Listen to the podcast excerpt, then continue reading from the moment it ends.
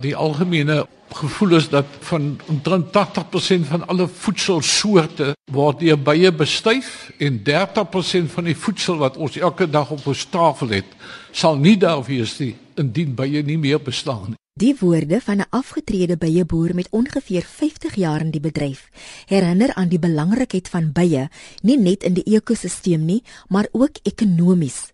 Indien bye nie meer daar is om bestuiving te doen nie, kan dit tot 'n verlies lei van ongeveer 11 miljard rand slegs in die vrugtebedryf.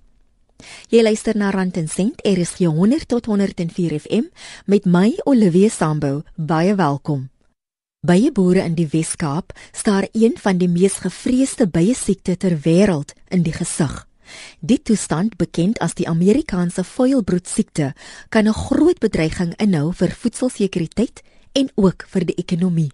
Ek het gaan kuier by die Cape Honey Factory in Klapmuts, Stellenbosch, om meer oor die jong larwe siekte en die ekonomiese implikasies daarvan uit te vind. Suid-Afrika in vergelyking met ander suidelike halfrondlande naamlik Australië, Nieu-Seeland, Argentinië en Chili, beleef tans 'n negatiewe groei in die beiebedryf. Dit word nommer 1 onderstreep deur die feit dat ons 'n nette invoerder van heuning is, terwyl die ander lande wat ek genoem het almal uitvoerders van heuning is. Ons heuningproduksie het in die afgelope dekade of 2 verminder van 3000 ton per jaar na 1500 ton. En so sê Nico Langenhoven, 'n afgetrede beieboer. Hierdie afname het drie hoofredes. Teen die laat 80s het ons die probleem gekry van die Kaapse bye wat indringers geword het in die noordelike provinsies en waar hulle dramatiese invloed het op die Afrika by wat in die noorde van ons land voorkom. 'n Tweede rede was teen 1997 toe ons 'n ektoparasiet met die naam van Varroa gekry het Hierdie het ook redelike groot invloed op ons bye en op heuningproduksie. En nou sien dat 2009, maar veral in die afgelope jaar of 2 het ons die gevreesde bye siekte van wat bekend staan as AFB of Amerikaanse jongbei siekte en hierdie siekte het nou veroorsaak dat ons groot afnames in bye getalle sowel as in heuningproduksie ervaar. Hoewel die Amerikaanse vuilbrood siekte jare al bestaan, het dit eers in 2008 die bye in Suid-Afrika begin affekteer. Hierdie Amerikaanse jongbei siekte is oor die wêreld heen bekend. Dit bestaan al baie eeue. Suid-Afrika is gelukkig daarvoor gespaar vir baie jare, maar ongelukkig het dit as gevolg van heel waarskynlik as gevolg van die invoer van heuning ook in Suid-Afrika gevestig en dit versprei tans teen 'n ongelooflike tempo en al meer streke word bekend waar daar hierdie siekte voorkom in die Wes-Kaap. Wat is die moontlikheid dat dit verder kan versprei? Daar is mense wat hoop dat ons dit uit die noordelike provinsie sal hou. My persoonlike mening is dat ons sal die proses kan vertraag, maar nie verhoed nie. Hoe kan die proses vertraag word? Nee, daar is verskeie maatreëls onder andere deur die vervoer van heuning Maar dit is nie die enigste rede nie en dit is 'n groot probleem dat huisvrouens koop 'n klein botteltjie heuning hier en gaan gebruik dit in die Transvaal en dan word hierdie heuningflesie in die vuilhoopblik gegooi en hierdie spore van hierdie siekte is in daardie heuning en dan kom bye om dit te kom uitroof en op hierdie manier sal dit een of ander tyd in die in die noorde ook vestig. 'n Bestaan sonder bye sal verrykende gevolge hê. Die impak van as ons sou 'n scenario hê waar daar geen bye meer is nie, dan sal ons ons inligting 80% van die verskillende soorte kos op ons tafel sal nie daar wees nie en in volume sal 30% minder kos op ons tafel wees. So die, die rol van bye en bestuiving is baie baie meer belangrik as die heuning wat hulle produseer. Ek wil net graag een van die grootste probleme vir ons bye boere hier in die Wes-Kaap maar ook land laat uitlig en dit is die tekort aan nektarbronne vir die bye. As ons nie van aangeplante bronne kan ge gebruik maak nie, sal ons vorentoe nie al die uitdagings kan bereik nie. So daar sal ook dringend navorsing moet gedoen word rondom plante, gesaaides, noem dit soos dit wil, wat kan die nektar produseer vir die bye. Ek is 'n Weskus seun, daar groot geraak En as ek kyk hier ontbossing, veral in die Sandveld waar die fynbosse ontbos word, is dit 'n groot bekommernis en niks niets word aangeplant vir bye nie. En as ons kyk na die rol wat bye speel in ons hele ekologiese stelsel, dan kan ek my nie self indink dat die mense nie kan besef nie dat die bye stuur op 'n groter ramp af as ons nie nou aandag gaan gee aan hierdie probleem nie. Dit dan Nelson de la Cuera, 'n kommersiële byeboer. Jy's ingeskakel op Rand en Sent RSG 100 tot 104 FM. Vandag gesels ons oor die byebedryf en die bedreigings wat hulle in die gesig staar. As jy weer wil luister na interessante inligting wat vandag se gaste deel, kan jy die program aflaai in MP3 formaat by rsg.co.za. Of as jy wil saamgesels, stuur sommer 'n SMS na 34024. Elke SMS kos R1. Bye boere maak gebruik van twee tipes bye. Die wat hulle bestuurende bye noem en dan is daar die wilde bye wat oral in die natuur voorkom. Nelson de la Cuera verduidelik. Ek wil net sê dat albei die bye vir ons uh, van belang is. Die wilde swerms is natuurlik die swerms wat ons gebruik om nuwe swerms te vang, want elke jaar sit hulle swerms af en dan ons korwe wat ons huisves en korwe gebruik ons vir bestuiving en heuningproduksie. Die wilde bye kan hulle ook die siekte versprei. Ja, natuurlik. Wilde bye sal ook gaan roof by swerms wat doodgaan en so word die siekte oorgedra na die wilde swerms en so word hulle ook besmet met hierdie siekte. Wilde swerms word natuurlik gebruik vir baie fynbos spesies vir bestuiving omdat bye so volharde is en doen is hulle seker een van die beste bestuivers daar buite en nie net op ons inkomste as byeboere sal daar verlies wees nie maar ook op die ons fynbosse wat baie belangrik is vir ons bye se voortbestaan. In die geval van wilde bye, raak dit dan nie van 'n groter probleem nie. Definitief so alreeds swerms wat ons nou vang is alreeds besmet. So dit wil sê van die wilde swerms in die Wes-Kaap is definitief ook besmet met Amerikaanse voubroed siekte. Kan ek net inkom hier en ek wil net sê dat die besmetting nadat 'n korf vir die eerste keer besmet is, kan dit tot soveel as 2 jaar of langer neem voordat hierdie AFB se simptome sigbaar is binne in die korf. So daar is 'n groot tydsverloop vanaf die eerste besmetting totdat jy dit kan sien.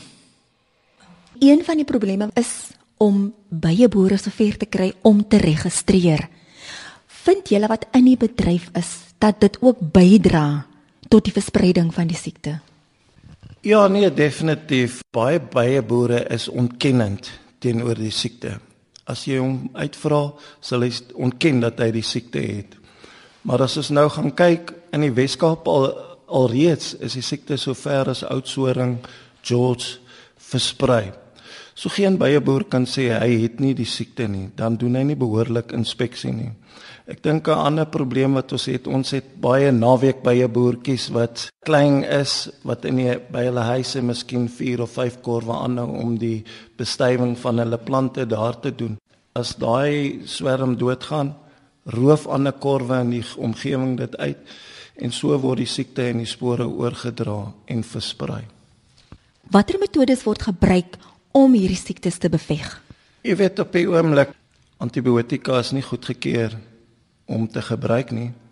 Vir ons op die oomblik moet ons die bye doodmaak. En uh vir enige byeboer is altyd lief vir die natuur en om jou eie swerms dood te maak is nie lekker nie. En dit het 'n groot impak op ons bedryf want dooie swerms kan jy nie vat vir bestuiving nie. Dooie swerms kan jy nie vir jou heuning oes lewer nie. So dit het 'n impak op ons bedryf en ons het verliese daardeur. So ja, dit is belangrik dat ons 'n oplossing kry. Ons wag nou al sedert Januarie vir antwoorde. Ek dink hierdie oplossing is om net swerms voor die voet dood te maak nie. As ons gaan kyk na ons ewe knieë oor see, boer hulle met die siekte vir 100 jaar, maar die mense gebruik antibiotikas om die bye te behandel en miskien moet ons gaan kyk na oplossings en kyk of die regering nie na vore wil kom om te kyk of daar nie alternatiewe metodes is as om net bye dood te maak voor die voet nie. Wat is die ekonomiese impak? Wel vir my is bye boer gewoonlik het ons so 10% verliese wat normaal is jaarliks aan bye wat doodgaan, swerms. Op die oomblik met die siekte van Amerikaanse vuilbrood siekte het die persentasie gestyg na 30% tot sover selfs as 50% van bye wat doodgaan. 'n Swerm bye, die inkomste van heuning, bestuiving en dan natuurlik om daai swerm weer te vervang is in die omgewing van R2000 per korf. Nou as jy 'n boer is van 2000 korwe en jy, jy het 'n 30% verlies, kan jy som maak. Dis 'n groot verlies wat 'n mens het. En baie is soos om 'n kind groot te maak. Dit gebeur nie oornag nie dat jy 'n inkomste gaan kry om nie. Dit vat 2-3 jaar. En uh om hulle dood te maak het definitief 'n impak op ons bedryf hier by Klipmitskop. Dit dan Nelson Delaquera, 'n kommersiële beieboer.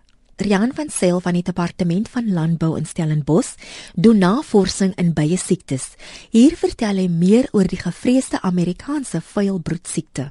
Amerikaanse vuilbrood is eintlik nie 'n Amerikaanse siekte nie, is eintlik 'n Europese siekte, maar as jy kyk na die ontwikkeling van beie in die wêreld, Amerika het nooit beie gehad nie, so hulle het Europese beie ingevoer na Amerika toe en die Amerikaners het toe nou die siekte bekyk en gesien maar hier is twee verskillende siektes en toe identifiseer hulle spesifiek Amerikaanse broedsiekte wat eintlik dan nou van Europa afkomstig is.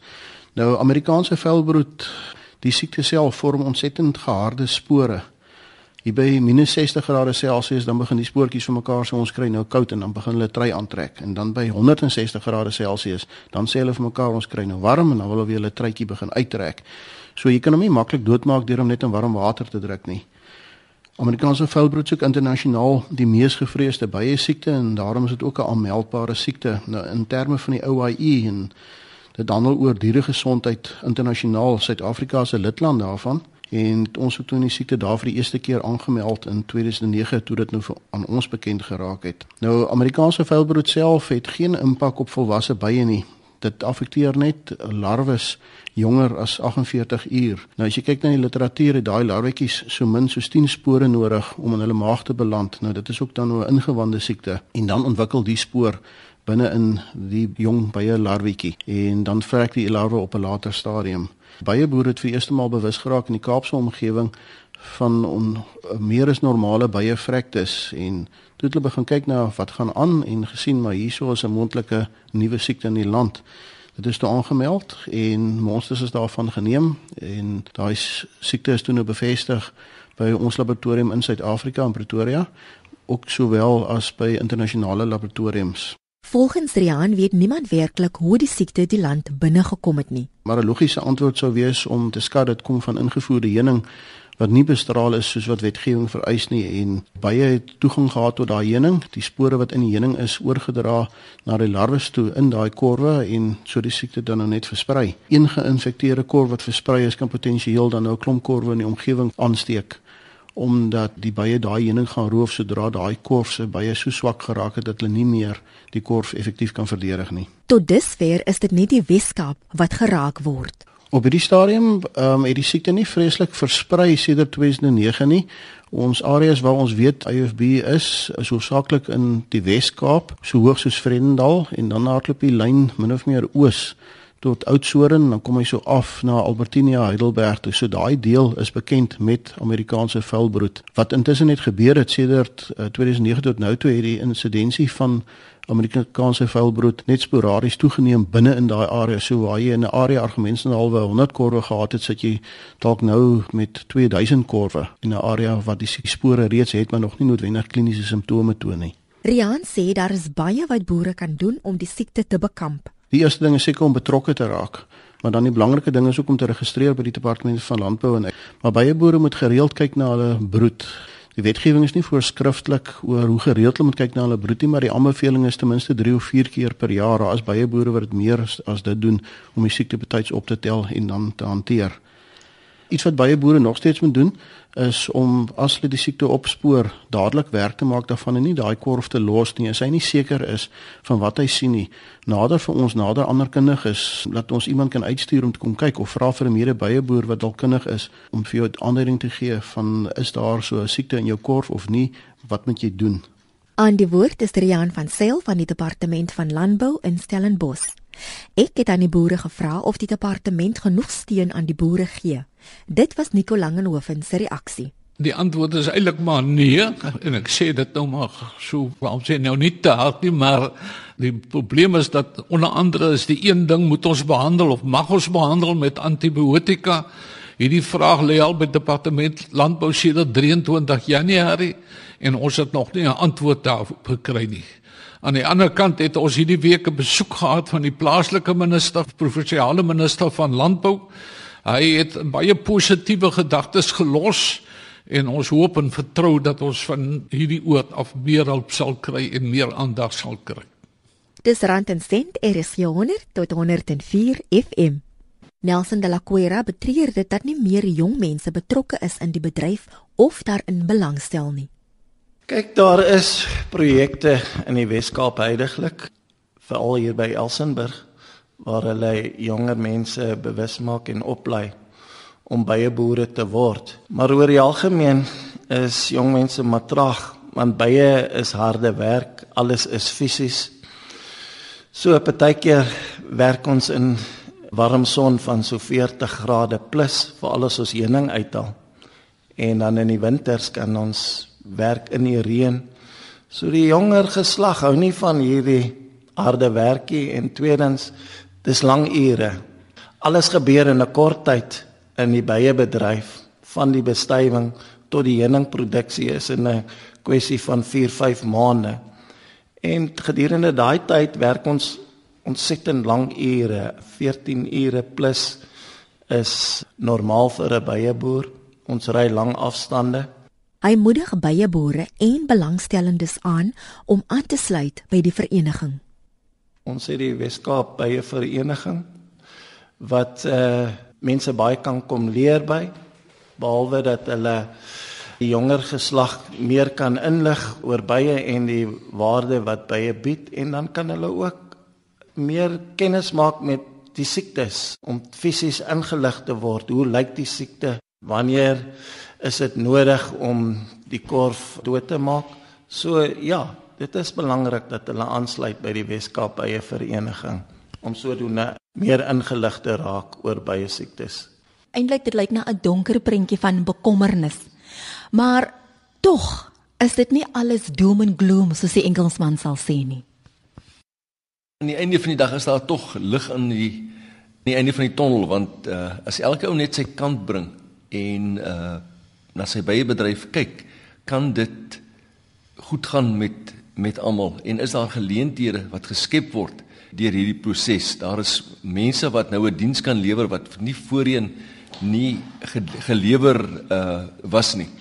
Een van die goeie is byvoorbeeld Hepro is die bestalingsaanleg in Montetjie Gardens. Hulle lewer ook 'n groot uh diens op die op die oomblik want dit is nodig dat jy jou korwe laat laat bestraal sodat jy die toerusting weer kan kan gebruik. En so sê Pieter Tron, nog 'n byeboer. Ten spyte van die lang ure, die soms onaangename werksomstandighede en die bedreiging van die bye, is dit duidelik dat heuning net so sterk soos bloed deur die manne se are vloei. Daar word gesê dat as jy 'n plaas seën en jy het in die kraal geloop en die beesmis het eenmal tussen jou tone deurgekom, kry jy dit nooit weer uitgewas nie. 'n Passievolle byeboer het 'n passie vir bye. Nommer 1 omdat jy naby die natuur is, maar dit is ook 'n insek met baie sweure wat ek bedoel nou fases. Die hele bye nie die bedryf nie maar die werking van bye dit fascineer mense en omdat dit mense fascineer en as jy hardwerkend is en jy's bereid om te werk gee dit vir jou wonderlike belonings nie net finansiëel nie maar ook moreel en psigies Ek moet sê ek is 'n tweede geslag byeboer. Ek het daarmee groot geword. Ek het die liefde op 'n jong stadium gekweek en dit die bye het vir my tot nou toe baie sweet geverg, maar dit het my ook baie genot verskaf en dit is waarom ek dit vandag nog doen na 35 jaar. Almal sê jy moet 'n passie hê vir wat jy doen. En dit is my liefde om in die natuur te wees met die bye en daai gezoem te hoor.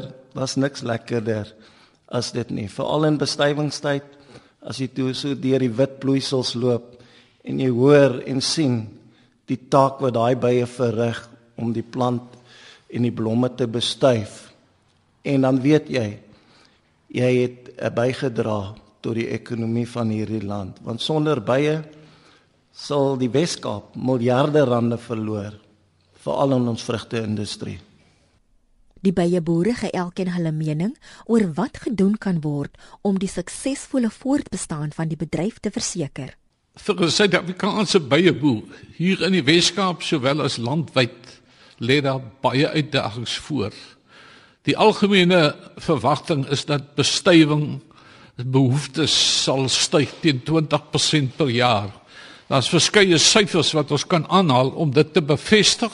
Nommer 1 die bloubessie bedryf gaan dramaties uitbrei. So ook in makadamia bedryf wat in verlede jaar volgens persberigte is Suid-Afrika nou die grootste produsent van makadamias in die wêreld en ons sal ons baie getalle ten minste moet verdubbel in die volgende 10 jaar. En hierdie uitdagings wag vir baie boere. Ek wil net graag 'n beroep doen op die publiek daar buite om asseblief plaaslike heuning aan te koop. Ja, ek wil by Pieter aansluit. Jy weet die Weskaap het omtrent 9000 verskillende fynbos spesies. Almal gee nie heuning nie, maar Kaapstad en die Weskaap lewer seker van die beste heunings in die wêreld. En as jy Weskaapse fynbos heuning eet, moet jy weet dis uniek want jy kry dit net in die Weskaap. Ek wil graag hier byvoeg dat in heuning is daar meer kleure, geure en smake as in wyn. So as jy heuning regtig wil waardeer, is jy 'n beter ou as 'n ou wat wyn gebruik. Dit was Nico Langenhoven, Pieter Tron en Nelson de la Cuera, drie byeboere in die Wes-Kaap. Ek groet tot volgende Sondagmiddag om 5:00 hier op Rand en Sent. Is 100 tot 104 FM. Totsiens van my, Olivia Sambo.